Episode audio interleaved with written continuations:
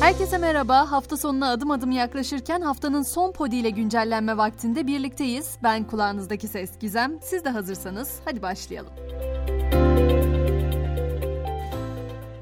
Haftalardır belki aylardır konuşuyorduk. Cumhurbaşkanı Erdoğan bugün Beştepe'de düzenlenen basın toplantısında seçim kararını imzaladı. Seçim kampanyalarının müziksiz olacağını söyleyen Erdoğan, AK Parti'den aday olmak isteyenler içinse AFA'da bağış yapma şartı getirdiklerini söyledi. Yüksek Seçim Kurulu da seçim sürecini açıkladı. Buna göre sandığa 14 Mayıs'ta gidilecek, Cumhurbaşkanlığı seçimi ikinci tura kalırsa 28 Mayıs'ta yapılacak. Adaylık için kamudan istifa süreci ise 16 Mart'ta sona erecek.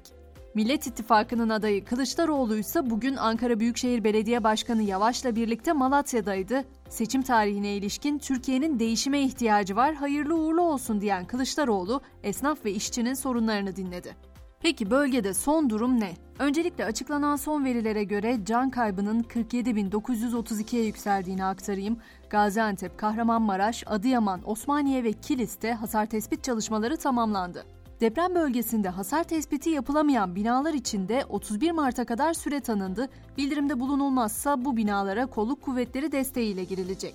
Öte yandan bir de dikkat çekici bir haber var. Adıyaman valisi Mahmut Çuhadar istifa etti ama istifa gerekçesi olarak sağlık sorunlarını öne sürdü. Şöyle bir hafızalarımızı tazeleyecek olursak, Çuhadar'ın depremler sonrası kendisine tepki gösteren depremzedelere gülmesi uzun süre konuşulmuş ve çokça da tepki çekmişti. Bölgede yaşamını idame ettirmek isteyenler için kurulacak konteynerler için de yeni bir karar var. KDV oranının %1'e indirilerek ihracatına da kısıtlama getirilen konteynerlarla ilgili bu kez ithalat düzenlemesi yapıldı. Konteyner ithalatında gümrük vergisi sıfırlandı.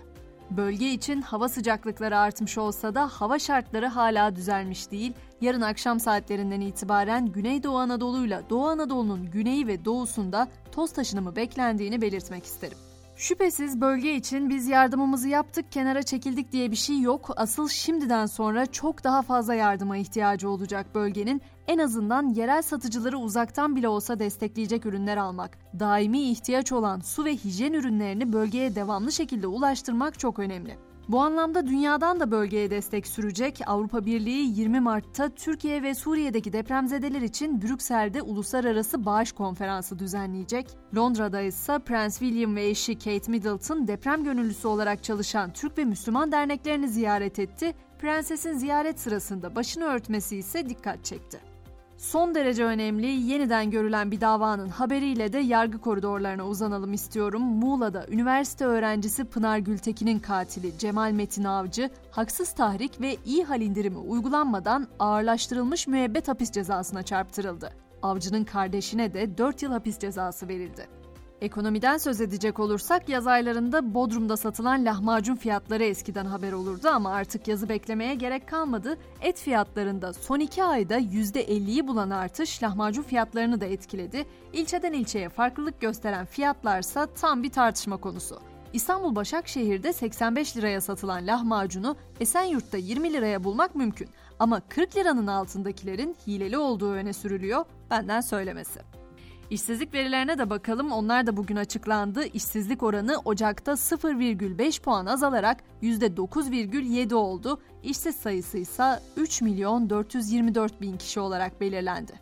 Dünyada ise günlerdir grevleri konuşuyorduk. Fransa'dan sonra o grevler Belçika'yı da sardı. Belçika'da iş koşullarının iyileştirilmesi ve kamu kurumlarına daha fazla kaynak sağlanması talebiyle kamu çalışanları bir günlük grev başlattı. Demiryolu çalışanları da greve katılınca ülke genelinde sağlık, eğitim, güvenlik ve ulaşım gibi pek çok sektör olumsuz etkilendi. Son olarak da ünlü mesajlaşma uygulamasına bir bakalım. WhatsApp'a 21 yeni emoji eklendi. 8 mevcut emojide de düzenlemeler yapıldı. Yeni emojiler arasında pembe, açık mavi ve gri kalpler, zencefil, Wi-Fi, kuş, deniz anası, kaz, titreyen yüz ve elle dur işareti gibi emojiler yer aldı. Emojiler önümüzdeki günlerde kullanıcılara sunulacak. Artık spor diyelim. Fenerbahçe dün Sevilla ile oynanan maçta taraftarlarının İspanyol polisi tarafından coplu saldırıya uğramasının ardından resmi şikayette bulunduklarını açıkladı. Sarı lacivertli kulüp taraftarı için geçmiş olsun mesajı da yayımladı. Süper Lig'e baktığımızda 25. hafta bu akşam Giresun Spor Fatih Karagümrük mücadelesiyle başlayacak maç saat 20'de. Potada ise Avrupa Ligi'nin 28. haftasında Anadolu Efes 20.30'da İsrail'in Maccabi Tel Aviv ekibini konuk edecek. Fenerbahçe Beko ise İspanya'nın Barcelona takımını ağırlayacak. Bu maçın başlama saati de 20.45 olacak. Ve güncelleni noktalarken hani günlerdir konuştuğumuz o konu var ya hepimiz hem kendi içimizde bu duyguyla cebelleşiyoruz hem de birbirimize soruyoruz nasıl eskisi gibi olacak insanımız, nasıl sarılacak bu yaralar diye. Şems Tebrizi der ya düzenim bozulur, hayatım alt üst olur diye endişe etme. Nereden biliyorsun hayatın altının üstünden daha iyi olmayacağını? Dilerim herkesin, hepimizin yeni başlangıcı, acıları unutturamasa da eskisinden çok daha sağlıklı, mutlu ve huzurlu olsun. Pazartesi sabahı yeniden görüşebilmek dileğiyle şimdilik hoşçakalın.